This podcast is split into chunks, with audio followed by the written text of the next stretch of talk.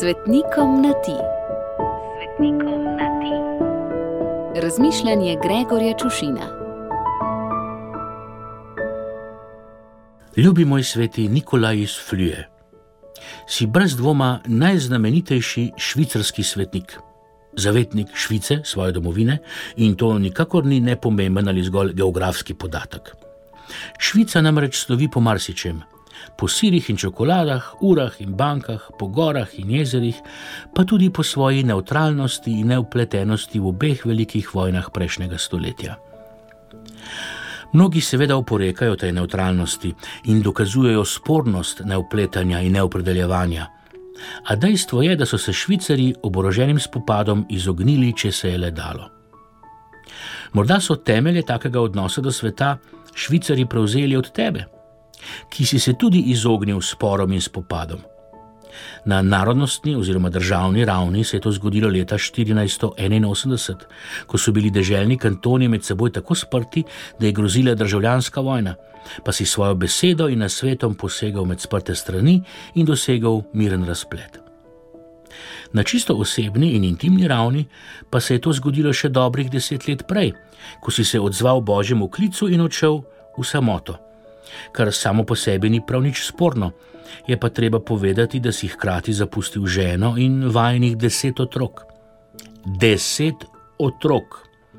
S tem si si seveda izognil morju sporov in spopadov, ki jih taka množica pubertetnikov in temu primerno razpoložena žena prinesejo sabo. Sej ne, da te ne razumem. Šest ni deset, še zmeraj pa je kar precej in včasih tudi preveč.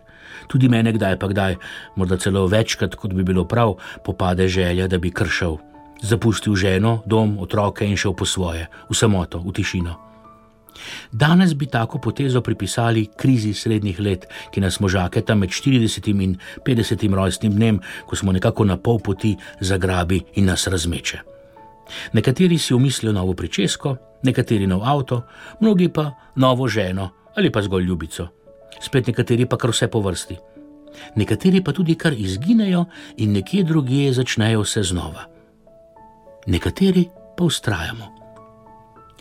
Tvoja odločitev je bila nesporno sad božjega klica in v korist celotnemu narodu, pa čeprav na račun družine. Končala se je z beatifikacijo in zato ji ne bom oporekal.